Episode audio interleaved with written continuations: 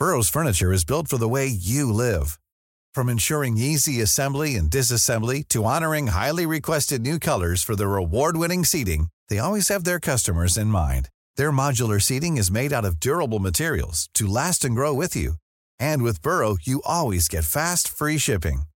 Get up to 60% off during Burrow's Memorial Day sale at burrow.com slash ACAST. That's burrow.com slash ACAST. burrow.com slash ACAST. Cool fact a crocodile can't stick out its tongue. Also, you can get health insurance for a month or just under a year in some states. United Healthcare short term insurance plans, underwritten by Golden Rule Insurance Company, offer flexible, budget friendly coverage for you. Learn more at uh1.com. It's that time of the year. Your vacation is coming up. You can already hear the beach waves, feel the warm breeze, relax, and think about work. You really, really want it all to work out while you're away. Monday.com gives you and the team that peace of mind. When all work is on one platform and everyone's in sync, things just flow wherever you are. Tap the banner to go to Monday.com.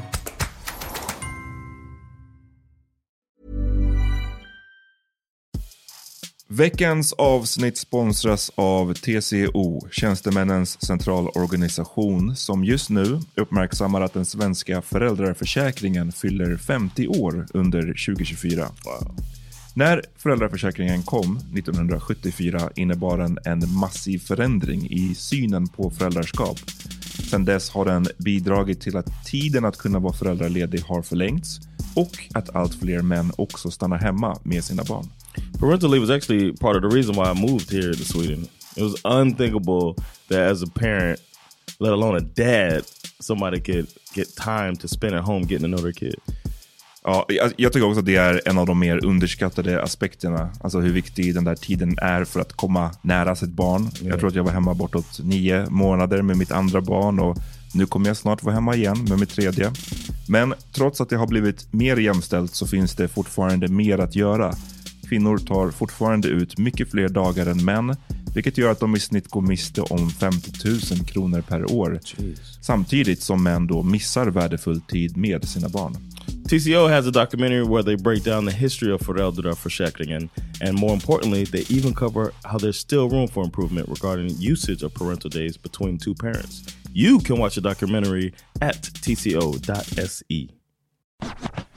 Välkomna till Så vad händer? Podden som tar upp allt det intressanta som händer inom populärkulturen, politiken och i våra liv.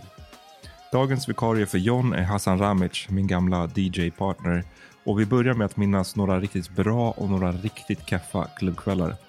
Sen pratar vi Britney Griner, den amerikanska basketspelaren som i månader suttit fängslad i Ryssland. Eh, nu ser det ut som att hon kan komma att släppas, men till vilket pris? Till sist kommer vi till veckans huvudämne, den svenska skolkrisen. Hassan är ju lärare nu för tiden och berättar om hur den svenska skolan urholkas och segregeras tack vare nyliberal politik. Eh, en superviktig fråga såklart så här under valår. Som vanligt så finns eh, bonusavsnitt, miniepisoder, allting reklamfritt, eh, till och med videoversioner av poddarna. Allt det där finns på patreon.com svh.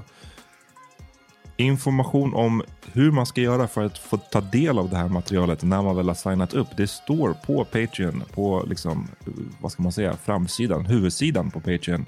Och det står också i en sparad story på vår Instagram. Så kolla in där om ni tycker att det verkar krångligt. Nu kör vi!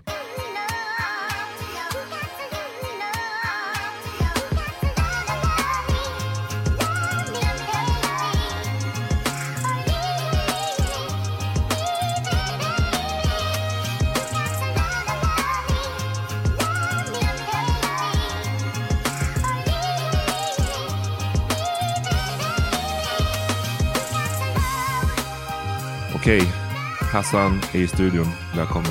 Tack så mycket. Du, du har ju varit med mycket i vår förra podd, ja. Power Meeting Podcast, men vi har en massa nya lyssnare också.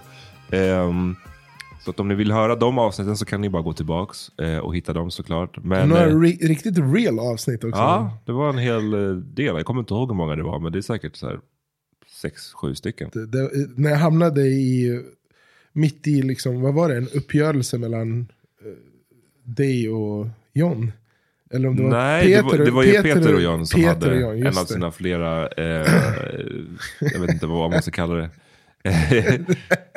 flera försök till att liksom lösa whatever issues de hade i sin relation. Liksom. Ja, det var real Eh, alltså. Vi hade fan, det känns som att vi hade typ tre sådana avsnitt eller någonting i förra podden. det, det, de verkar ha liksom ett komplicerat förhållande. Där jag fick vara, vara medlare. Eh, men skönt, skönt att slippa det prick nu i alla fall. eh, men det jag skulle säga var att vi var ju en DJ-duo väldigt länge. Ja, Eh, sen Hammer Time. Hammer Time och sen Chocolate Factory. Oh, får man inte säga längre kanske. The Nej, Love Below en, kort, Love Below. en kort stund. Ehm, från vadå, 2012 kanske till jag, jag, 2018-ish. tror, jag tror att eh, vår första spelning var eh, på när Julia Frändfors drev det stora rummet på Spybar. Just det. Då det var liksom våren, eller jo, nej, hösten 2012. Mm. Så satte vi igång, succé direkt. Japp. Och sen, sen så höll vi på liksom mer eller mindre intensivt till 2017 och sen så liksom fick du ditt första barn. 2018 fick jag i där våren, så det var, det Ja. då det, var det då det började ticka neråt tror jag. 2017 var liksom vår sista stora engagement Just på det. Strömterrassen. Just det. Otrolig sommar. Ja, det var... Det var Otrolig sommar med ett av vårt livs kanske största misslyckande som klubb. När vi skulle ha en dagsfest. Och ingen dök upp. ja, just det. Kommer du ihåg? Ja, jag kommer ihåg det. Men det var så skumt, för då hade vi ju, skulle vi ha en dagsfest och sen så var det, vilka var det som hade någon skitstor dagsfest prick samtidigt? Eh, Det var Eh. de där som ligger på, um, som ligger på, vad heter det, mittemot racen. Det stora jävla Ja, just det. Jag, jag kommer inte ihåg vad den restaurangen. stället heter nu, men där vid Slussen så var det Ja. eh, en klubb som hade, någon så, alltså de, de gjorde också så mycket dagsfester den sommaren tror jag. Och hade någon så episk sån samtidigt. Mm. Ja, Vi bara, bara "Aj, 3000 pers liksom där. Men, men det var en rare blip, för att för det mesta så var det ju väldigt, eh, Mm.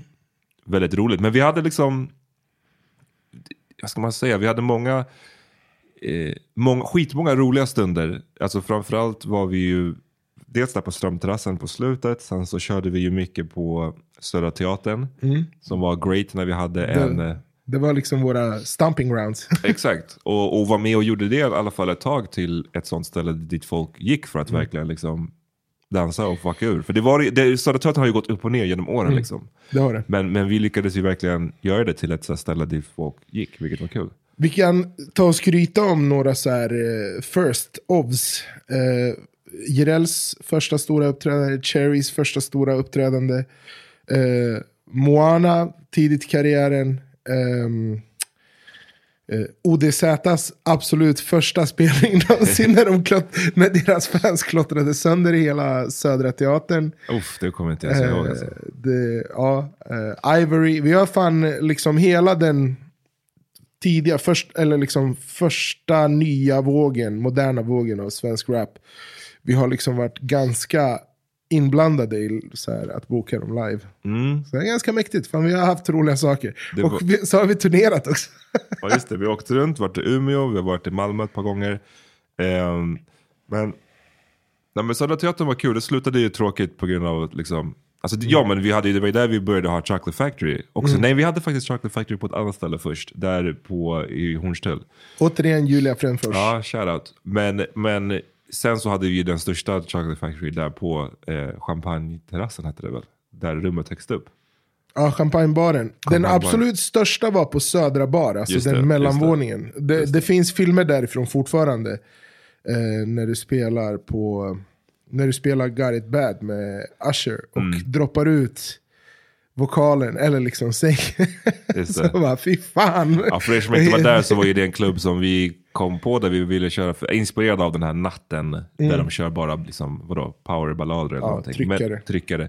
Så ville vi köra en, en, en klubb där det bara var liksom R&B och slow jams. Mm. Eh, och det hade, en sån klubb hade jag aldrig varit på förut, men det var ju skit, eh, skit nice stämning. Ja, det är riktigt, eh, vad- vad ska man säga, steamy Ja. stämning ibland. Och där körde vi ända tills, då brukade vi köra liksom ibland, man kanske hade en Chocolate Factory någon gång ibland, så hade vi ju Hammer Time, vår liksom hiphopklubb mera varannan vecka eller något sånt där. Och jag bodde precis i närheten just Precis. då, så det var, Uff. great för mig. Men sen så åkte vi ut från Södra Teatern på Ja. grund av anklagelser om vad våran publik, I guess, gjorde. Ja, precis. När det i själva verket var, själva stöket orsakades av, eh, ska, ska jag name and shame eller? Ja, varför inte? Ah, vänta, låt broarna jag bränner lysa vägen dit jag ska. Som vanligt, lyssna, det är inte det här 100% jag. Jo. Okej, nu ska jag förmodligen kanske göra mig osams med någon, men det skiter väl jag i. Eh, det var stök på Mosquito, eh, Thomas Gyllings klubb. Och då var det liksom, då bestämde Södra Teaterns ledning för att, nej men det var hiphopklubbarna som var problemet. Just det, det var, inte ens på Ja, våran vi, kväll. det var inte ens på våran kväll. Så vi blev ditringda typ och bara, ja ah, men nu ska vi ta möte. Nej, ni får inte vara kvar. Det var vi och Håll käften och dansa och typ, ja det var vi och Håll Det var käften. hiphop-karaoke. Nej, de fick... Nej, de fick vara kvar. Nej, just det. De fick vara kvar för att det var liksom, ehm, alltså hiphop karaoke är ju extrem publikmagnet. Mm. Fantastiskt. Eh, och Mosquito fick vara kvar. Fast det var på deras kväll som bråket hade varit. Eh, så eh, det, det var ju extremt konstigt. Och då, ja, då gick jag ju självklart bärsärkagång på sociala medier som jag brukar göra i sådana här sammanhang. Och shoutouts till hiphop karaoke som bara sa upp sin, alltså slutade med oss Mm, i, I, I sympati. solidaritet. Det tycker jag är stort av dem. Mm. Men ja, tack Gylling. ja, men det, var, det var kul där så länge det var. Det var tråkigt, tråkig liksom avslutning. Jag kommer ihåg att det var, liksom, man fick skit för, du vet, det, var nå ah, det hade varit något bråk nere på Slussen, alltså typ tunnelbanestationen. Ja. Och så fick vi skit för det. Man bara, men liksom, okej. det- Hur ska vi ha ansvar för vad folk gör 200 meter från våran klubb? Come on son. Det, det är därför jag, alltså efteråt har jag ju, eller liksom jag har ju alltid hållit på i lite många olika läger. Jag är bland annat en del av Nalinga-kollektivet och, och jobbar med dem. Och vi hade ju det här kvarteret 2018-2019. Och ägaren till kvarteret var en sån jävla G. Så att varje gång polisen kom och försökte pressa honom för bråk på Globens tunnelbana så stod han på sig. Istället för att vika sig som de flesta andra klubbägare gör.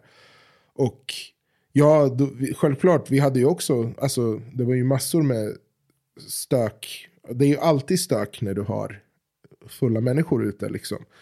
Eh, men de gångerna som vi hade stök på kvarteret eller runt om kvarteret och polisen kom, så alltså de fick ju aldrig köra ut oss. Nej. Nej men det, det är synd att det blir ofta så. Det är, man ser oftast den där utvecklingen med så hiphopklubbar. Att de, det går bra ett tag och sen så blir de så här shut down vid något tillfälle. För att Ja. det är en kombo liksom att ja, det finns också folk som inte know how to act. Mm. Det, finns, det kan man inte sticka under stol med. Liksom. Eh, men sen också att de är också extra hårt bevakade av Ja, polisen. verkligen. Ja, nu, för nu ser jag ju, den nya skiten verkar ju vara holken på onsdagar. Vad, är det, vad ligger det? Eh, jag är inte säker, jag tror att det ligger någonstans på, eh, på Sveavägen. Jag, jag är inte hundra. Alltså, Två oldtimers som pratar nu Ja, verkligen. Nej, jag, har bara, jag bara sett det här på sociala medier. Jag ser det liksom, de klubbkidsen som, som jag följer alltså, i egenskap av en arrangör. Eh, de, de är där nu och det verkar vara sån jävla vibe. Mm, okej. Och grejen är så här, där det är så, så det blir alltid, eller ofta, grand opening, grand closing. Mm, ja men precis. Eh, och så var det väl där när vi hade Strömterrassen också, att det var någonting med eh, hade de, var det att de inte hade danstillstånd eller att det var Mm. något klag, klagomål på det? Jag kommer inte ihåg. Det var också något liksom, tjafs med att man blev motarbetad av Ja. the man. Eh, Men där fick vi vara hela sommaren Ja, i alla fall. men- Avslutningen där, legendarisk. Fan, Ja. Vi kunde inte sluta på bättre sätt.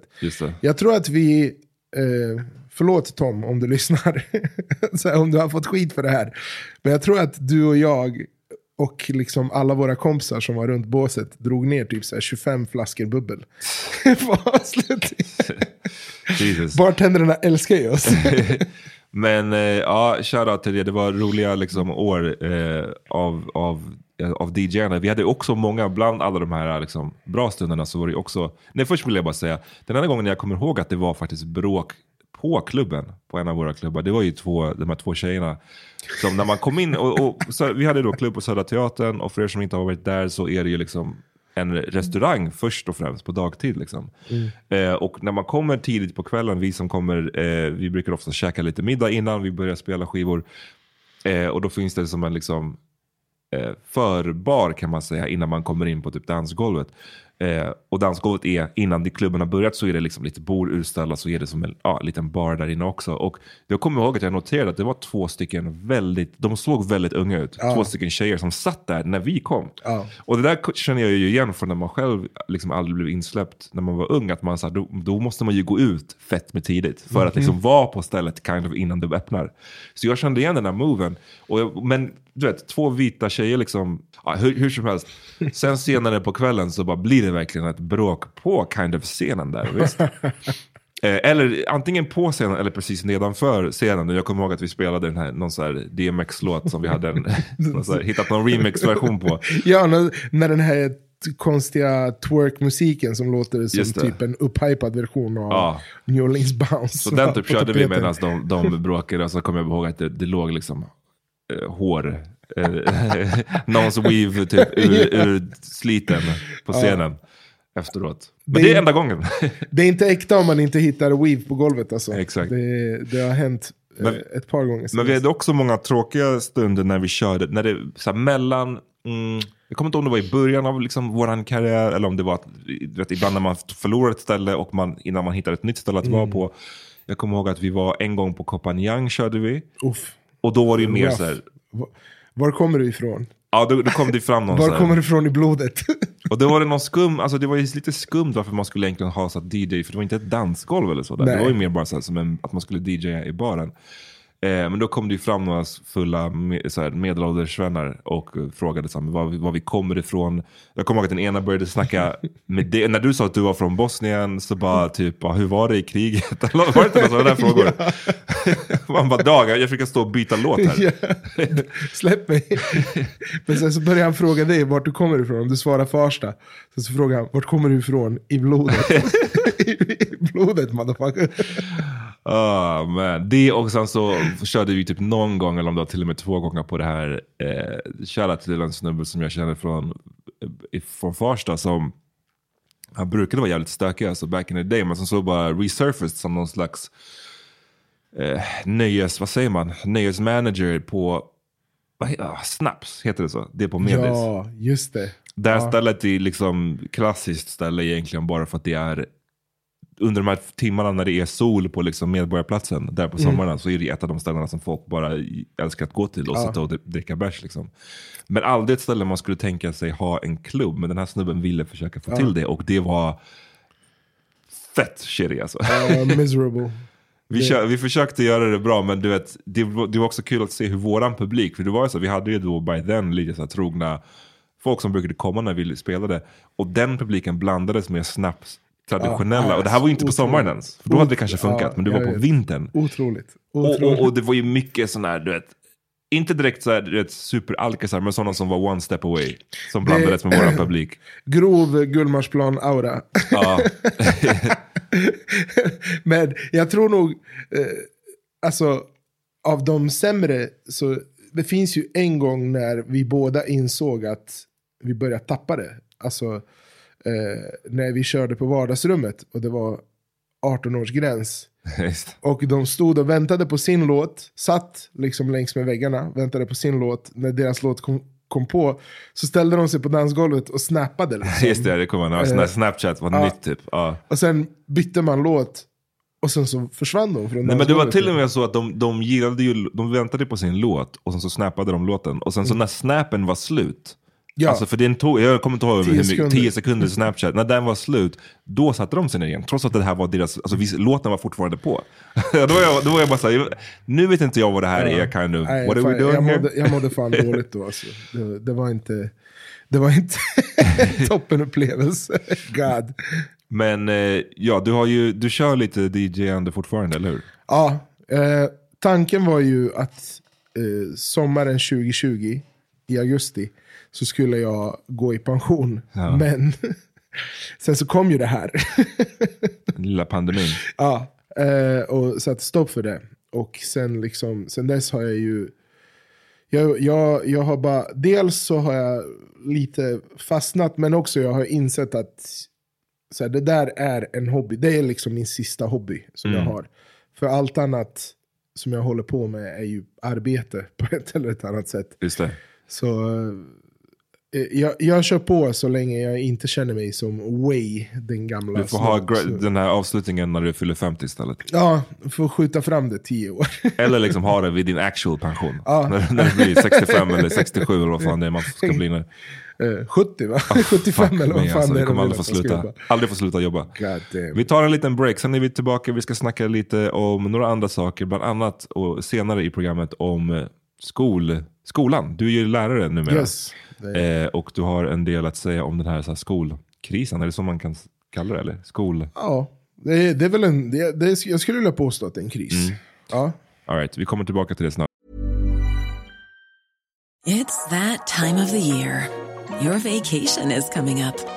You can already hear the beach waves, feel the warm breeze, relax, and think about work. You really, really want it all to work out while you're away. Monday.com gives you and the team that peace of mind. When all work is on one platform and everyone's in sync, things just flow wherever you are. Tap the banner to go to Monday.com. Hey, I'm Ryan Reynolds. Recently, I asked Mint Mobile's legal team if big wireless companies are allowed to raise prices due to inflation. They said yes. And then when I asked if raising prices technically violates those onerous two year contracts, they said, What the f are you talking about, you insane Hollywood ass? F- So to recap, we're cutting the price of Mint Unlimited from $30 a month to just $15 a month. Give it a try at mintmobile.com slash switch. $45 upfront for three months plus taxes and fees. Promo rate for new customers for limited time. Unlimited more than 40 gigabytes per month. Slows. Full terms at mintmobile.com. Hey, it's Ryan Reynolds, and I'm here with Keith, co star of my upcoming film, If, only in theaters, May 17th. Do you want to tell people the big news? Right, I'll do. Sign up now and you'll get unlimited for $15 a month and six months of Paramount Plus Essential Plan on us. Mintmobile.com slash switch. Upfront payment of $45 equivalent to $15 per month. Unlimited over 40 gigabytes per month. Face lower speeds. Videos at 480p. Active Mint customers by 531.24 get six months of Paramount Plus Essential Plan. Auto renews after six months. Offer ends May 31st, 2024. Separate Paramount Plus registration required. Terms and conditions apply if rated PG.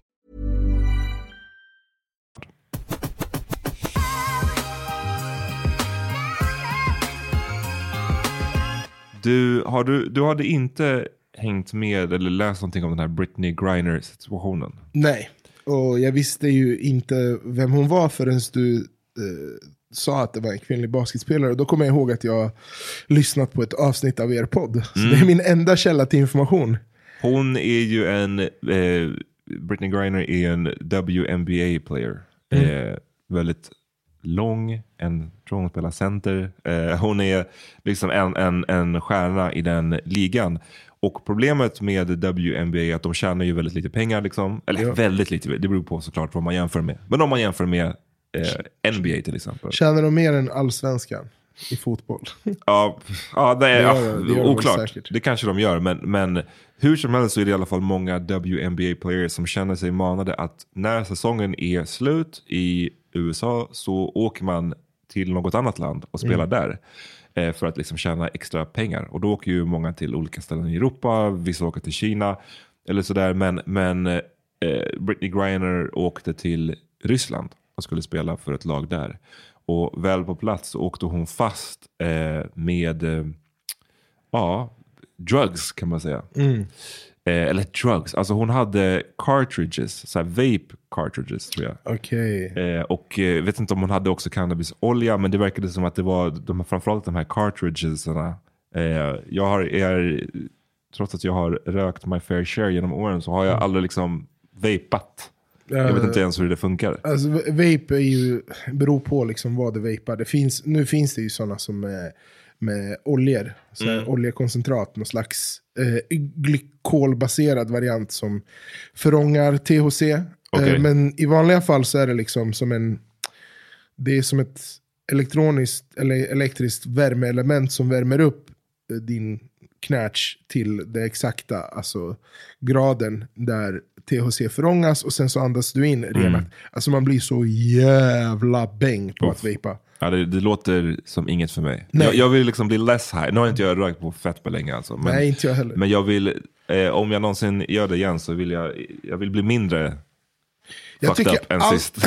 allt sånt där, alltså edibles, eh, dabs, allt sånt där. Det är för likt crack. Alltså är, jag, jag vill inte hålla på med. Låt mig bara rolla, rulla en joint i papper. Eller liksom bara ha en liten Mm. Och som inte är så jävla potent. Vad händer, vad händer, varför måste allting vara så fucking starkt? Cryptoconic alltså, jag vill ha den här liksom, the old school, när man kunde liksom... lite, lite god börs. Ja, verkligen. Alltså, i dagens weed är ju liksom, alltså bladen är ju lika starka som budsen som på någonting man rökte Ja. när, man var 20 år gammal för fan. The science har blivit så bra alltså. men, men hur som helst, ja det var eh, vape cartridges eh, som hon åkte fast med och de hade lite cannabisolja i sig. Eh, och ja, det är sugigt för att eh, Ryssland har väl eh, svinhårda liksom, knark, eller dro- narkotikalagar. Eh, så hon har suttit fast där nu i flera månader eh, i Ryssland, i fängslad. Och det här skedde ju, kommer inte ihåg om det var precis innan eller precis efter kriget i Ukraina bröt ut. Vilket såklart är extra dålig timing för henne. för att så här, nu är ju relationen mellan USA och Ryssland sämre än på väldigt länge. Liksom.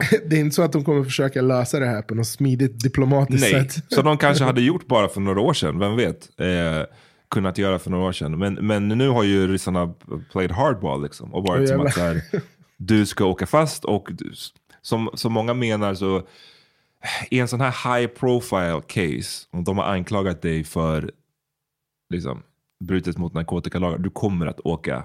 Det är inte som att du kommer få en fair trial, är det många som hävdar. Who knows? Och det som hon har gjort nu är att hon också har erkänt. Eh, Pled guilty, vilket man då antar är för att det ska kanske bli lättare att I alla fall slippa häktningstiden.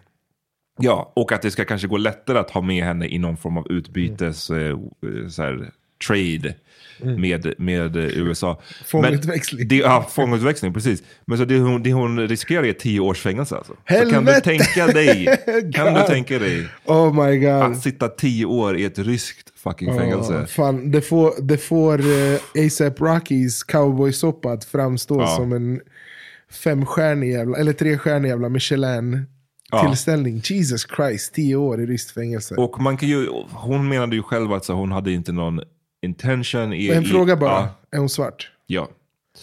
Är Ja, svart kvinna Yes. i ryskt fängelse. Yes. Låter ju supertoppen. Ja, nej men det suger. Fan. Och eh, hon menar ju att så här, basically, det var inte hennes in, intent att bryta mot den här lagen. Hon hade packat, eh, packat sin väska du vet, snabbt och kanske bara av ren vana. För att i USA nu i många stater så, där, så är det här okej. Numera att ha sin, sina vape pens och cannabisolja. och att man, hon menar väl basically att hon råkade ta med sig det. Och ja, det kanske hon gjorde för jag kan inte tänka mig annars att vara liksom stupid enough att göra det. Så No. hon har väl bara råkat. Och det, it, could, it could happen I guess. Alltså, I wouldn't put it past jänkare att vara så dumma, å ena sidan. Å andra sidan, om hon redan har en erfarenhet av att åka fram och tillbaka till Ryssland, så borde hon ha lärt sig någonting. Mm. Jag vet inte om det här är hennes första gång i Ryssland. Det, det, Ja. det, det är så mycket vet jag inte. Exakt. Men, Alltså om det är hennes första gång i Ryssland, det skulle inte förvåna mig om en jänkare tror att liksom, ja men vadå? det är väl samma som, Ja. som hemma. Plus också att de har ju lite det här, ja, men de tror att ett amerikanskt pass är lika med eh, diplomatisk immunitet eller någonting. Just det. Så, alltså, räkna inte bort dumheten bara. Nej. Det- Nej, det men är det där hör ju liksom- till när man åker, åker till andra platser. Att så här, kolla upp. Jag kommer alltid ihåg när, när vi hade vår förra podd, eh, Power Meeting, så tryckte vi upp så affischer, vi tryckte upp klistermärken också. Och jag hade, vet, vi hade skitmånga sådana klistermärken i min väska. Och ibland när jag kom på det så bara brukade jag sätta upp dem. Och jag tyckte alltid att det var kul att sätta upp dem om jag var utomlands. Eh, och i mitt jobb så reste jag ganska mycket ibland. Och så, här, så jag brukade sätta, sätta upp, ah, nu var jag i Amsterdam, satte jag upp en där. Nu var jag i, ah, whatever. Eh, och sen så en gång när jag var i Singapore så bara, okej nu blir det kul, nu ska jag sätta upp där. Och då var det som att, precis när jag skulle göra det så var det som att någonting ändå så här inom mig bara, vet du vad? Singapore, vad, vad, vad vet du om Singapore? Jo att det är jävligt strängt här. Bara kolla upp så här, vad, det, vad, vad som kan hända. Och då stod det att så här, för där kan man ju bli råkapitalism och typ så basically sharia-lagar. Ja, men verkligen. och där kan man ju bli, alltså det är typ om du spottar på, om någon ser dig spotta på gatan så kan du få böter liksom. Och jag kollade ju upp vad det var då att sätta upp typ affischer eller klistermärken och sånt där. Det räknades som att du verkligen så förstör typ en fasad. Och straffet för det var, var caning. Alltså du blir slagen med en käpp. Och jag bara, vet du vad, det här är inte det jag ska syssla med på min Oh, fucking jobbresa. Alltså. Herregud. Jesus Christ. Alltså, Ska ta jag, några jag, möten och sen bli caned här på publicly på torget. Åh, bli utvisad till Sverige efter att ha blivit spöstraffad. Herregud. Ja. det, det avsnittet av Nyhetsmorgon. Fy fan. Ja, nej men så att det, ja, det, det där det, det försöker jag Ja. alltid komma ihåg ändå. Att så här, veta lite grann här, om vart man åker. Ja, kolla, du är ju smart. Och, du hindrade dig själv. Ja. Eh, när jag var i Tokyo 2014 så var jag där med eh, en profil. som också är liksom, eller var en av Sveriges mest ökända graffitimålare. Och jag och han på fyllan. Efter en dancehall-klubb i Shibuya. Där vi båda var ganska smizzy. Var ute och klottrade lite i Shibuya. Tills jag också dagen efter läste. Det är alltså, jag tror att det är ett års fängelse eller någonting. för, för klotter. Och det var en, tydligen en polisstation jättenära där. Och grejen är så här, jag fattar, han kan ju löpa, men alltså jag, my fat ass, alltså, de skulle, ja, så du har suttit själv också? Ja. Eh, skulle säkert inte gola ner honom heller, Nej, så nej. idiot som jag är. Men du, det här har ju blivit en stor skandal i alla fall nu i USA. Det är många, det har också som, som det ofta sker nu för tiden, det blir liksom två läger. Det är många som menar att ett, hon får skylla sig själv, liksom hon, hon committed a crime och whatever. Hon borde ha varit smart nog att inte göra det här. Är det många som tycker. Eh, sen är det andra som menar att nej men bara bring her home. Hur ni än bär er åt, bring her home. För att liksom, vi ska inte låta en, en känd amerikansk person liksom sitta fängslad och bli använd som någon form av liksom pan av ryssarna. Och många som också har dragit parallellen till, ja, men hade det varit LeBron James, då hade han varit hemma igår liksom. Ja, ja det, kan, det kanske ligger någonting i det, kanske inte. Kanske. Alltså jag tror också det ligger säkert någonting i det, men samtidigt så är det ju den här fucking timingen med, med krig. Det är också den som har, tror jag, försvårat det rejält. Eh, men nu eftersom hon har, jag kommer inte ihåg hur många, det är flera månader nu hon har suttit fängslad. Eh, och, men nu har Biden alltså gått med på ett krav som ryssarna hade, eller ett förslag som ryssarna hade. De vill ju få ut den här, så här fångutväxlingen. Okej. Så nu tillsammans med Britney Griner och en snubbe som heter Paul Whelan, jag kommer inte tyvärr ihåg vad det han, han är också fängslad i Ryssland, jag kommer inte ihåg varför. Han typ använde någons ansikte som mask eller någonting. Han måste ha gjort någonting grovt. Men, men de två ska bytas ut mot en snubbe som heter Victor Bout. Som är, hans, hans nickname är The Merchant of Death.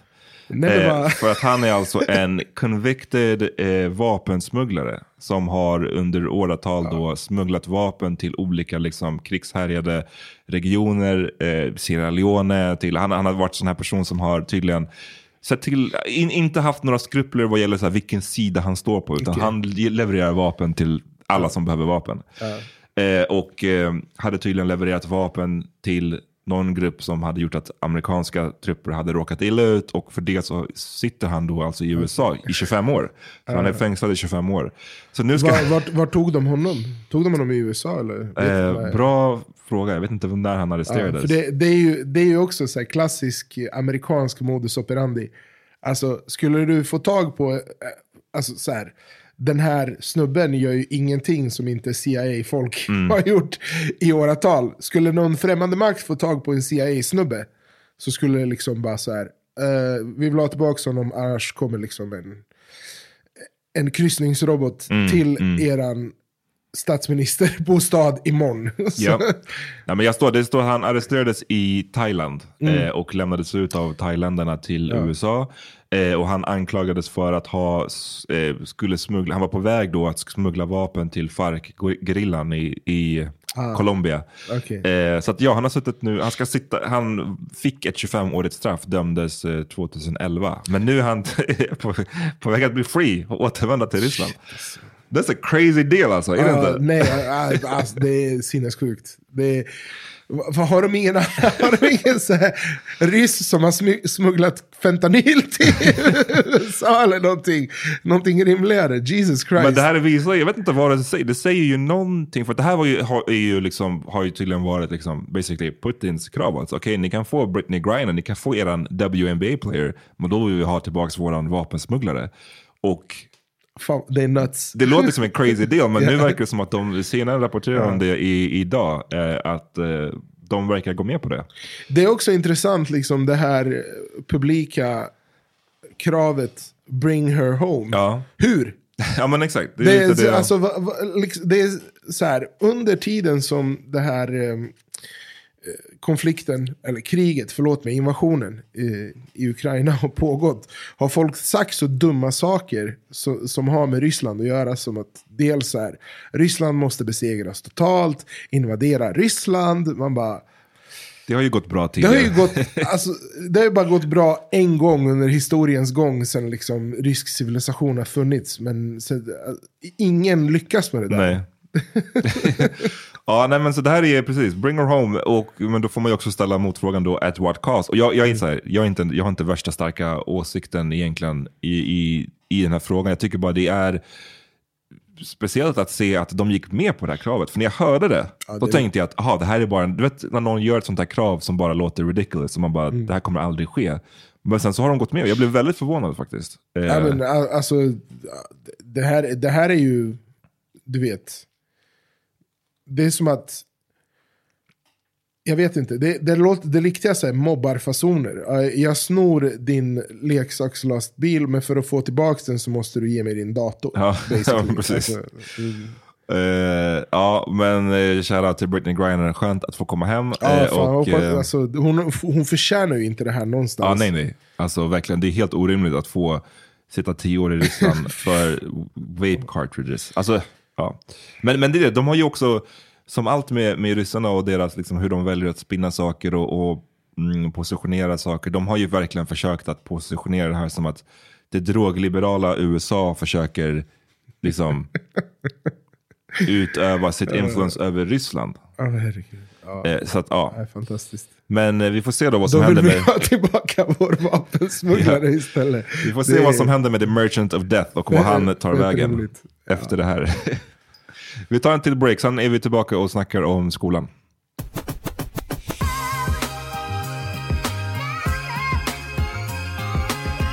All right. Men så en grej som du har gjort de senaste åren. Du var ju precis som jag, in, höll på inom journalistiken Ja, ett par år. Och sen så Ja. beslutade du sig för att så här, fuck this shit. ja. Jag ska sadla om. Eh, ja, exakt. Eh, jag var ju, vi jobbade ju tillsammans Mm. eh, på Nöjesguiden. Det var ju så vi lärde känna varandra faktiskt. Eh, eh, och jag jobbade ju liksom som musikjournalist. eh, och jobbade, ja, men, i början av min karriär så jobbade jag liksom på Nerikes Allehanda som reporter. Och sen så var ju det liksom, alltså under den här tidningsdöden så, så fick jag ju gå. Mm. Alltså som du vet, nöjesreporter, det var ju bara, jag var ju den första som fick en. Ja. och sen så har jag liksom jobbat frilans. Ehm, jag jobbade frilans i ah, 12 år eller någonting. Mm. Liksom. Ja. Det var fett länge.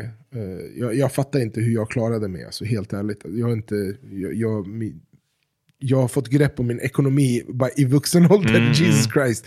Ehm, men ehm, jag jobbade bland annat på ehm, Sveriges Radio, på Musikguiden, jag jobbade på SVT med PSL.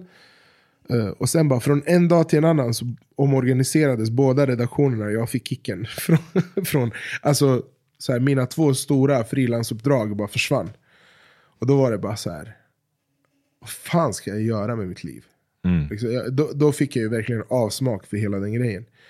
Och då flyttade jag hem till Örebro. Eller jag frågade min farsa först. För min farsa har hållit på med biodling hela mitt liv. Och jag bara, fan, kan inte jag få komma och jobba med det en sommar? För jag, fan, I'm broke. Mm. Jag säger 35 bast har, så här, blev utan allting över en natt bara. Jag bara, ja, fan kom, jobba en sommar. Så var jag där och jobbade med biodling en sommar faktiskt. Jag bara, det här ska jag göra. Fuck allt annat. Sa upp min lägenhet i Stockholm, flyttade tillbaka till Örebro. Eh, jobbade ett år till och sen så insåg jag att jag gör ingenting mellan liksom september och maj. Jag bara fan, jag har aldrig haft, eh, båda mina föräldrar har en akademisk examen. Och jag bara, jag måste ju bli något. För att inte vara en skamfläck i familjen. Och min brorsa har ju också, så här, han är jävla flygplansingenjör på KTH. Liksom. Min tio år yngre lillebror. Och så är det bara jag som är ett jävla fucking flum som, som aldrig har gått i högskola. Så för, eh, för fyra år sedan började jag, ja, fyra år sedan blir det nu, började jag plugga till lärare. Och omgående började jobba. Och för att det liksom passar ihop liksom med biodlingen. Så allt är ju, allt är ju gjort kring biodling. För biodlingen är liksom en vadå, vår och sommar Ja, thing. alltså ma- maj till augusti så är, är det mycket att göra, sen är det ingenting. Mm, ja, jag fattar. Ja, men då så. Mm. Så ja, och då, och då liksom eh, började jag på det här. Började, började läsa på programmet. Och började jobba. I, direkt 2019 så började jag liksom vikariera och sen kom pandemin. Och sen, liksom, sen dess har jag i princip jobbat och pluggat heltid de sista två åren.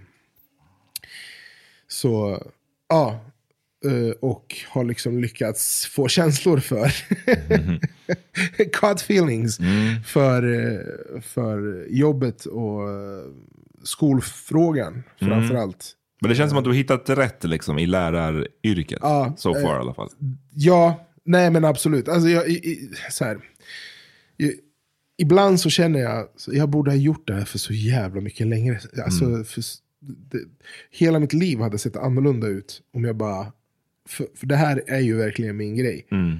Ehm, och, men jag, det, det jag inte visste var liksom hur engagerad jag skulle bli. Alltså självklart så, jag är ju så här, ganska politisk varelse av mig. Eh, men jag visste inte hur pass mycket liksom, just specifikt skolfrågan skulle engagera mig. Det är nästan så jag önskar att jag inte gjorde det för att det tar upp ganska mycket av min tankekraft. Och går mig mycket på nerverna på sistone. Jag tänker att vi har många lyssnare som inte kanske hänger med i, eller vet vad, den här, vad du menar med skolfrågan. Ja. Eh, jag, jag tror att det också har mycket att göra med att när man själv har gått ut skolan och innan man typ får barn själv så är man ju så ganska frånkopplad skolan. Eh, men jag följer det lite grann genom att jag följer så här skoltwitter och ser vad lärare och, och, och så vidare skriver. Eh, men vad är, vad är skolfrågan? Vad är Ja. problemet? Skolfrågan är ju i den allra enklaste förklaringen till det, liksom, det är att vi har en pseudomarknad eh, på den, i den svenska skolan. Så vi har aktiebolag som håller på med myndighetsutövning som att de driver ett vinstdrivande företag. Eh, vilket de också gör.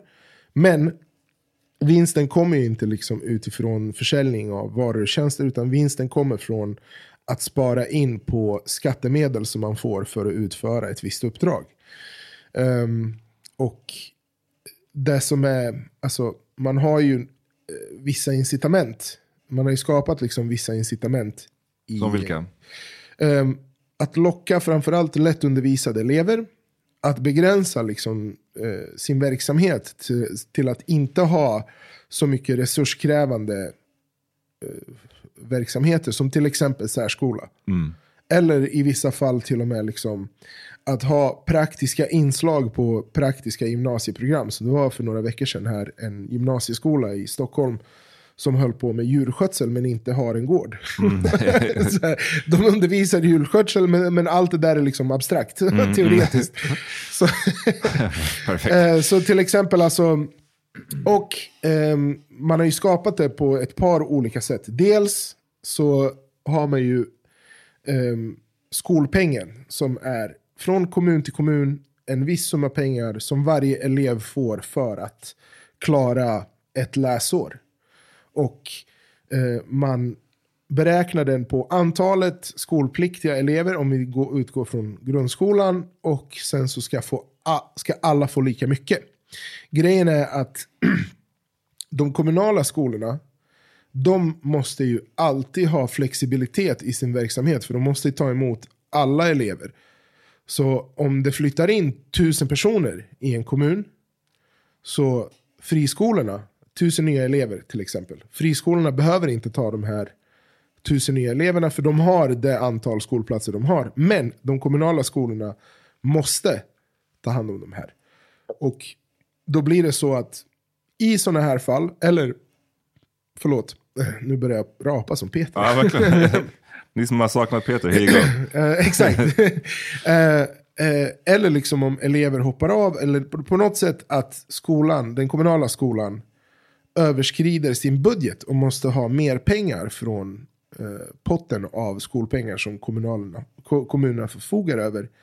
Då måste friskolorna ersättas lika mycket, även om, de inte har liksom, om det inte har hänt någonting med deras budget.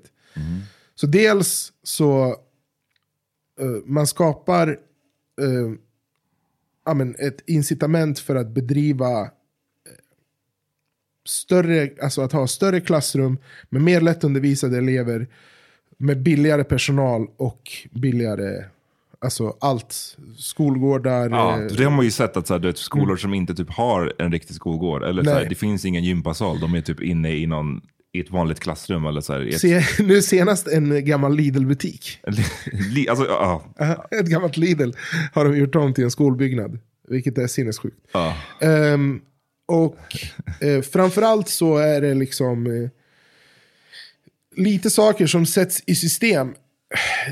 Nu är det inte så mycket så här i grundskolan där jag jobbar, men till exempel i vissa gymnasieskolor.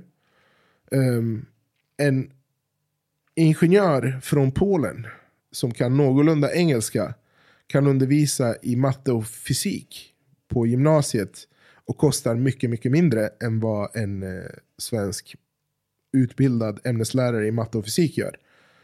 Ehm, så man sparar ju pengar liksom på det sättet att ha obehörig personal, eh, man har otillräckliga byggnader och eh, man liksom har större grupper och bara liksom på det sättet urholkar ja, men, det man kallar för, alltså, det man skulle kunna kalla för samhällsservice. Och framförallt så också sätter man ju högre betyg än genomsnittet. Vilket man använder som någon slags marknadsföring för att locka till sig föräldrar som håller koll på sånt här. Och så har man köer. Man liksom, så man, man väljer sina elever. På vilka Eh. kriterier får man, vet du det? Eh, alltså det är enligt dem själva så är det ju first come first served. Men det finns liksom inte någon insikt i det här. Mm. Alltså någon insyn? Det finns, nej, det är ingen som ser över kösystemet. Det är ingen som ser över urvalsgrunderna.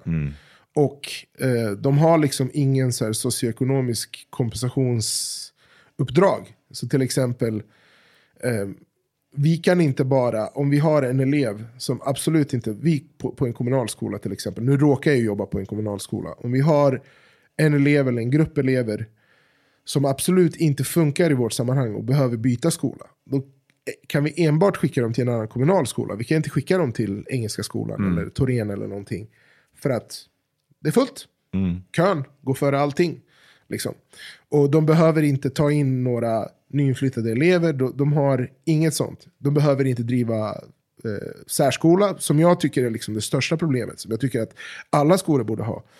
Ehm, så att de är ju liksom, de, de gör mycket mindre jobb men får lika mycket betalt. Och sen om eh, när oundvikligen den kommunala skolan fuckar upp för att det är, så här, det är omöjligt att få ihop budgeten så får de pengar. Alltså de får samma ersättning som den kommunala skolan kunna, skulle, alltså, får för liksom, sitt uppdrag för att de överskridit sin budget. Istället för att de pengarna skulle, ja men ta alla de ersättningspengarna och bara ös det i den kommunala, I den skolan. kommunala. Men, men som du säger, alltså, okej, så man tänker så här då, det är otillräckliga byggnader, o, obehörig personal eh, och, och sådär. Det låter inte som att, varför skulle någon då sätta en unge i friskolan? Men då är det det här betygs, eh, Mm. de ly- lyxiga betygen och vad mer, vad, är- vad mer är det de lockar med? Varför sätter folk ungarna i friskolor? Det är dels det och sen är det liksom eh, en air av att det är bättre ordning, bättre disciplin. Ehm, segregationen är ju också liksom en selling point i det här. Mm. Eh, det går inte så, så många babbar här. Här ska min unge gå. För att det är inte längre så att vi har eh, liksom eh, ett skolsystem som går efter närhetsprincipen. Så det, det är inte så att alla barn som bor i en stadsdel går i stadsdelens gymnasie eller grundskolor. Utan man har ett så kallat fritt skolval.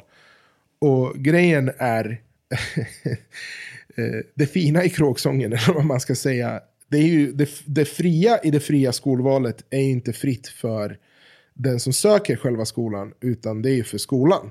Då. Så det är inte eleven som väljer sin skola, utan det är skolan som väljer eleven. Snarare. Mycket, alltså, I mycket högre utsträckning än vad det är tvärtom. Så då blir det ju så att de som har koll eh, och är mer insatta och mer nära samhället eh, och samhällsfunktionerna, de sätter ju sina barn i alla möjliga köer eh, till friskolor. Medan de som kanske inte är 100% så väl integrerade eller etablerade i samhället, de har inte tid eller ork eller möjlighet att sätta sig in i de här frågorna. Just det. Ja, men det där ser man ju folk säga ganska, har jag sett ganska mycket med att liksom, ja, man sätter sina ungar i skolan alltså från så tidigt som det bara går. Liksom. Och jag tycker alltid det låter så, som att folk säger det ganska så okritiskt, som att det är en självklarhet. Utan att man kanske tänker eller reflekterar på vad det, vad det gör, eller vad den här urholkningen gör liksom, med vår skola i det här landet. Ja. Sen, sen så finns det ju liksom andra saker, alltså uppenbara saker som kräver resurser som har hänt över tid Mm. med de svenska skolresultaten. Uh, nu är det ju oklart, även om det är så säkert till viss del att det bara är marknadsskolan som har gjort att de svenska skolresultaten sjunker. Att liksom uh, man har skapat en slags eh, en slags situation där människor som skickar sina barn till skola har mer en inställning som att de köper en tjänst än att de utför en plikt. Eh, och det får ju med sig liksom dels ett tryck på lärarna för att liksom tillgodose den här tjänst, eh, tjänsten. Sen är det ju också betygssystemet. F eh, F-betyget har inte funnits tidigare. Liksom de, de eh, betygen innan liksom de, de stora eh, friskolereformerna och alltså, i viss mån även kommunaliseringen var ju relativa. Så du bedömde ju elever utifrån en skala på 1 till 5 relativt till hur klassen presterade.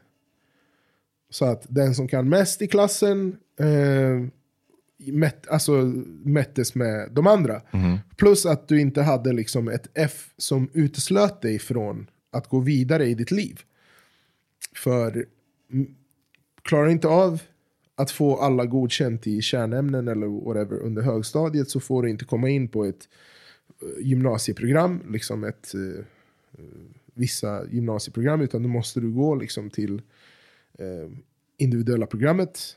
Eh, och ja, det, det liksom skapar en massa stoppklossar i livet, men också det bidrar till en gigantisk press på eleverna.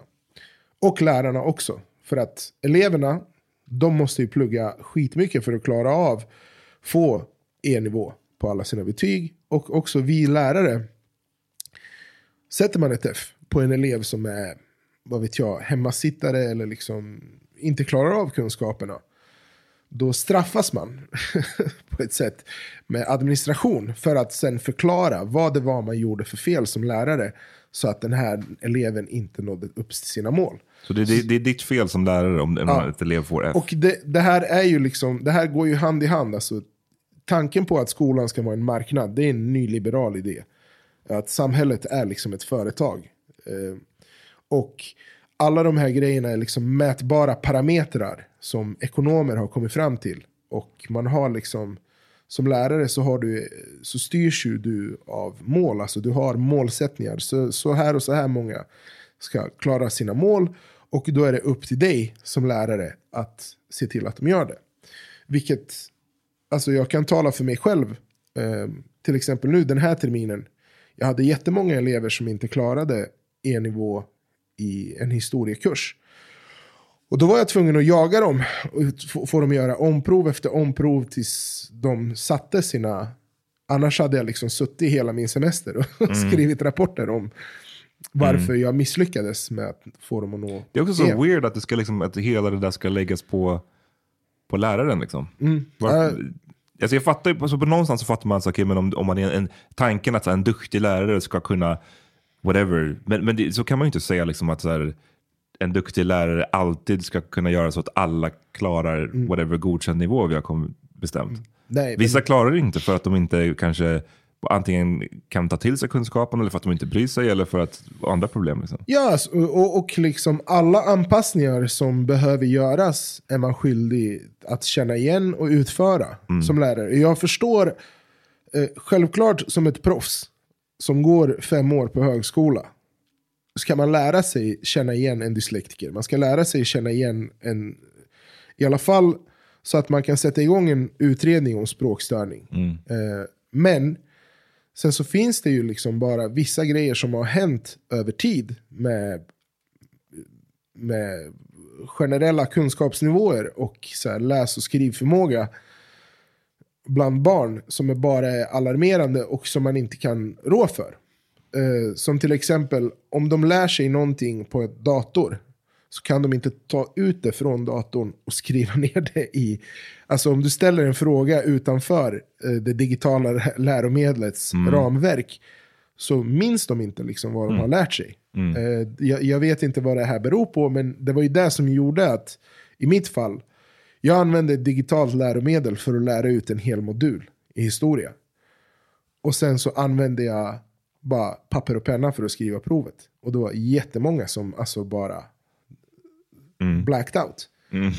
Så, så det, det är liksom en, en jättegiftig cocktail av digitalisering, new public management, eh, en tanke på att du vet, alla verksamheter i hela världen måste gå med vinst, inklusive skolan. Och då är det så här, vad är vinst? Hur skapas den vinsten? Det är inte liksom en försäljning. Alltså, det man gör i skolan, i grundskolan, det är ju skolplikt. Det är en myndighetsutövning. Och eh, målet är ju liksom inte bara kunskaper, det är också bildning. Och nå- någon slags men så här, introduktion till en social samvaro med människor liksom på, i, i en institution. Så, och alla de här sakerna slukas av att ja, men, de måste bara nå E. Och, och de här vinsterna, liksom, att allting ska gå i vinst och sen så vart hamnar de pengarna? Mm, det har man precis. ju sett en hel del Ja. om. Folk som gör stora uttag och eh, liksom blir rika på att driva skolor. Och det, det, det här tycker jag, så här, i min värld är det bara nuts. Alltså Mm. min politiska värld, min känslovärld, allting är så här. Du ska inte, varför ska du bli rik på att driva Mm. en skola? Men det verkar ju uppenbarligen som att det är väldigt många i det här landet som inte ser någonting, Mm. ett problem med det. För att, varför har det blivit så här? Då? Hur kommer det sig att den här utvecklingen har gått åt det här hållet? Ehm, ja, men det är väl bara en, en allmänt nyliberal anda i samhället. Alltså, det är, I stort sett alla riksdagspartier är skyldiga till det här. Alltså, Eh, liksom, efter Reagan och framåt så har vi ju haft det här tanken på att nej men, vi vann över Sovjetunionen, kommunismen är borta, nu ska allt liksom vara fritt för en fri marknad. Eh, och så här, Milton Friedmans ande vilar tung över oss alla. Och alla är skyldiga, liksom sossar, eh, liberaler, moderater, centerpartister. Det är väl bara Vänsterpartiet som håller någon slags alltså, fana här, i alla fall i skolfrågan om att det ska inte vara en marknad eller en pseudomarknad på det här sättet. Och grejen är också så här, det här är inte eh, privata skolor på samma sätt som till exempel amerikanska universitet är privata. Att du betalar en terminsavgift för att gå. Utan det här är liksom våra gemensamma skattepengar som ska användas för att bilda våra unga medborgare. Alltså för att göra dem, alltså ge dem de kunskaperna som krävs för att klara sig i samhället, för att klara högre studier. Och ja, men det, det bara äts upp inifrån. Sen så, liksom de höga vinstuttagen, Det är inte alltid det som är problemet. Det stora, stora problemet är den fria etableringsrätten som finns för skolor. Och vad betyder det då? Eh, I princip vilken idiot som helst som klarar av Skolverkets jätte, jätte, jättesmå krav kan starta en skola. Eh, och det är det som händer. De som har muskler att göra det, oftast är ju koncernerna. Och framförallt Engelska skolan är en bov här. Så att de kan ju liksom alltså bara dränka en kommun med, med skolor. Och bara liksom kväva ut alla de andra. Eh, och bara så här äta upp hela den, den kommunala skolbudgeten på ja, men ett eh, väldigt fåtal skolplatser som de ändå har. Så att de har ju, alltså det är de stora koncernerna som har tillgång framförallt till byggnader och lokaler på det sättet. Som, som äter upp, eh, eller liksom gör de här störningarna. Framförallt i den kommunala skolbudgeten som gör att eh, när kommunala skolor ligger back så måste de också ersättas. Och då skrapar de fram, liksom, även om det är små marginaler, så är det på många olika ställen. Och det, Ja, det är det, alltså, incitamentet är ju inte liksom att skapa en stor vinstmarginal genom att dra ner på kostnaderna enbart. Det är att etablera många skolor där de inte behövs. Och det, det är det som är, alltså, den, alltså, kanske efter liksom den här eh, konstiga ersättningen med, med eh, skolpengen, när liksom kommunala skolor back, går back, ska de som andra också ersättas även om, om de inte går back. Eh, så är nog det är det största problemet som vi har i, i skolan. Och det, jag tror inte det är många som vet, alltså jag tror inte, det, det är en så, så abstrakt eh, grej som många inte ser. Men det händer hela tiden. Och det är liksom, alltså, engelska skolan är ju den mest aggressiva i den här bemärkelsen. Liksom. De är ju överallt hela tiden. Hey, it's Danny Pellegrino from Everything Iconic.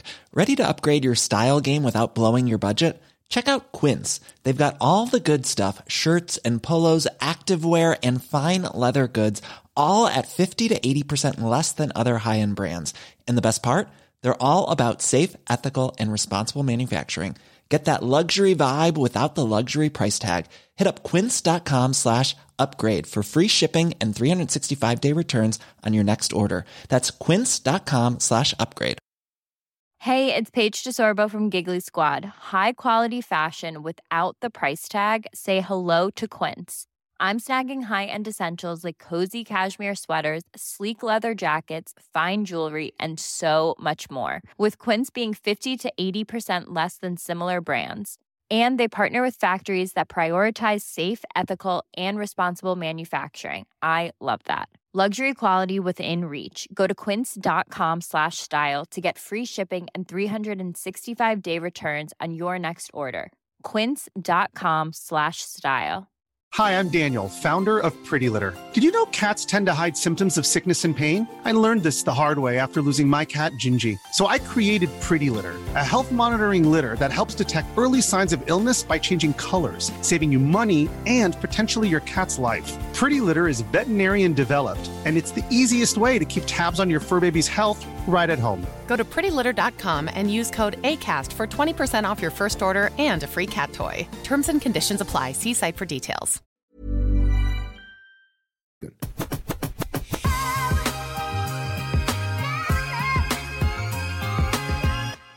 Men det känns ju som en super liksom, farlig utveckling med tanke på just den här också segregationen som blir. Att eh, de här som har kunskap, de, de vars föräldrar har kunskap och, och liksom framförhållningen eller whatever, sätter dem i de här köerna och d- då kommer de lätta, quote unquote, eleverna till de här friskolorna. Och sen så alla de, de då, quote unquote, svåra eleverna är till den kommunala, Ja. vilket får den kommunala, I guess, att gå ännu mer på knäna för att det är Exakt. mer resurskrävande att utbilda Och dem. när, när den går på knäna så vinner de här som inte går på knäna. För att eh, även om man bara öser resurser över den kommunala skolan för det här så måste man ösa lika mycket över de som inte går back. Så, så det, där har vi det. Och liksom, sen så är det ju så eh, att eh, kunskapsnivåerna har gått ner eh, bland elever Eh, och vi har mycket att göra. Vi behöver mycket resurser. Eh, oavsett om det är kommunala eller eh, privata skolor. Men å andra sidan så vill jag liksom att de resurserna fördelas rättvist och anv- används där de behövs. Mm. Eh, sen så kan man ju tycka vad man vill om liksom, eh, relativa betyg kontra sådana här eh, kunskapsmålinriktade betyg. Eller liksom om man ska ha ett F eller inte ha ett F. Men jag tror att ja, men stoppa den fria etableringsrätten och bara liksom eh, eh, förbjuda aktiebolag i skolan Mm. är nog eh, det, som, det som är det viktigaste. Och bara ja, men, skärpa kraven på vad som krävs för att starta en skola. Att det måste ha en skolgård, det måste ha liksom um, gympasal, det måste ha en särskola. Alltså, det, det här går mig så jättemycket på nerverna, men det måste finnas en särskola på varje skola. För de resurserna, det, det behövs Mm. jättemycket. Ehm, så Vad kan man, och om man lyssnar på det här bara så här, okej, man har kanske inte varit så insatt tidigare, men man, tyck, man lyssnar på vad du säger och man tycker att det, ja, det där makes sense. Vad, vad kan man som en vanlig då, medborgare göra för att påverka Mm. det här åt, åt något håll? Ehm, bra fråga faktiskt. För att det, det som är intressant är att även om det finns en bred medborgerlig vilja Mm. så finns det en väldigt liten politisk vilja. Och det har att göra med faktiskt korruption. Mm. För att eh, jättemånga av de som drev igenom friskolereformen på 90-talet sitter nu och jobbar för friskolor. Eh, eh, hon som är chef för Friskolornas riksförbund, gammal centerpartist, ägare liksom i Thorengruppen och eh, IES, alla är kopplade liksom till Liberalerna och Moderaterna. Det finns en hel lista, det finns en radda på de här. Det finns en del sossar också som är inblandade i det här. Så att eh, det, det är liksom ren korruption. Så att eh, om jag bara säger liksom det klassiska amerikansk-liberala, gå ut och rösta. Ja, om vi inte får liksom Vänsterpartiet i riksdagsmajoritet så vet jag inte liksom vad, vad det skulle göra. Men det man kan göra dock eh, är rösta lokalt och liksom engagera sig i skolfrågorna lokalt. Och kräva och veta liksom var, var skolpengen går. Och det är ju generellt för all politik tycker jag. Liksom att eh, Den kommunala och landstingspolitiken står ju alltid tillbaka för Mm. den stora rikspolitiken. Mm. Vilket är, The big show. vilken är liksom the show men ganska tandlös. Mm. Det är så här. Eh, så, ja men. Stöd din lokala lärare, alltså din lokala rektor och eh, din lärar, lärarfackklubb som är ja, lite mer konfliktinriktad än, än vad de redan är. Eh, jag skulle vilja säga rösta, alltså, men, men som det ser ut nu, den politiska viljan finns inte där. Eh, och jag tror, även om kanske de flesta som lyssnar på den här podden, ja absolut, jag kan gå och rösta på Vänsterpartiet imorgon. Eh, det är inte det som kommer göra den stora förändringen. Liksom. För att dit vi är på väg politiskt, alltså om det blir en borgerlig regering, de kommer inte göra ett skit åt det här, för att det är liksom Mm. deras polare. det går, eh, go as planned. Ja, om det blir en rödgrön regering, alltså ja, dels så har de eh, fingrarna i syltburken, men också de vågar inte göra sina motståndare så förbannade så att de gör någonting så drastiskt. Så eh, det, det är så här, problemet med det här också är att det har blivit så här too big to fail. Så man måste verkligen vara extremt, det, det är nästan en radikal förändring som krävs. Mhm. Ehm, vad jag skulle vilja händer. Och vad, vad jag tror skulle kunna leda till en förändring. Och det här är att eh, mina kollegor bara går ut i strejk. Mm. Det, alltså, jag förstår inte. Alltså, jag ser människor på mitt jobb bli utbrända på löpande band för Mhm. det här. Liksom, för, på grund av målstyrningen. På grund av pseudomarknaden. Eh, man hinner inte liksom göra sitt jobb som man ska.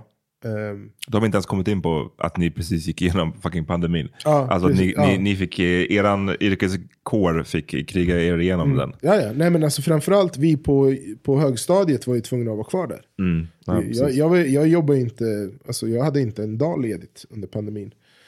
Så, eh, eller distansundervisning eller något sånt. Vi fick ju trängas i trånga klassrum och det var ju ingen som liksom försökte lindra det på något sätt. Mm. Eh, och jag fick 2000 kronor av Örebro kommun. Fick ni en I- applåd också eller något sånt där? Eh, ja, flera, flera stycken. Ja, skönt. Tur att ingen gjorde det när jag såg, för jag, jag skulle förmodligen nitat den personen.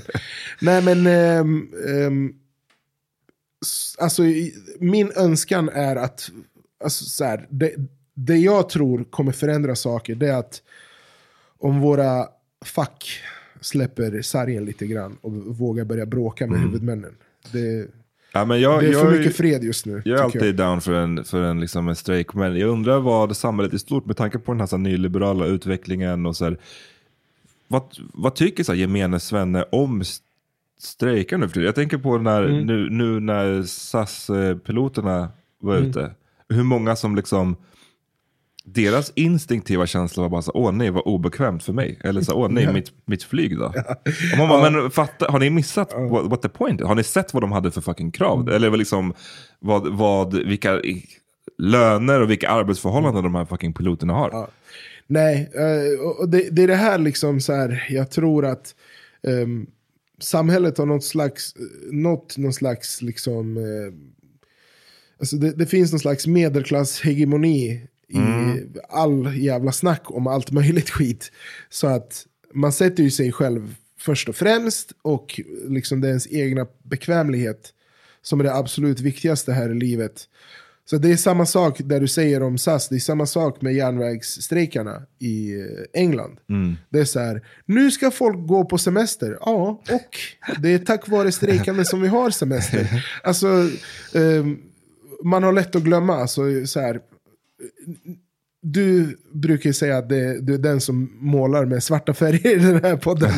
Men eh, alltså, jag, jag är nästan så här att vi behöver gå tillbaka till liksom arbetsförhållanden som var under industriella revolutionen för att folk ska bara ta tillbaka det som är deras. Eh, och eh, då kanske vi tyvärr har liksom så här, eh, vad heter de? Boston Dynamics Mm, ja, kravallhundar med monterade M16 som kommer Håller oss i schack. Ja, precis. Så, så det är så här. Ja, nej, alltså svennen har ju helt tappat begreppet om, om vad, vad som är, alltså varför man strejkar och, och varför man borde strejka. Så här, jag, ty jag tycker liksom att svensk välfärd borde ha gått ut i en generalstrejk för länge sedan. Men det är Ja, men för det, det är så, alltså, vet, jag såg på nyheterna igår att så här, nu är lag och ordning högst upp på eh, väljarnas, liksom, vad de tycker är den viktigaste frågan. Och det är första gången sen, ja, för jag kommer inte ihåg, men det var första gången sen jävligt länge Mm. som lag och ordning var liksom högst upp.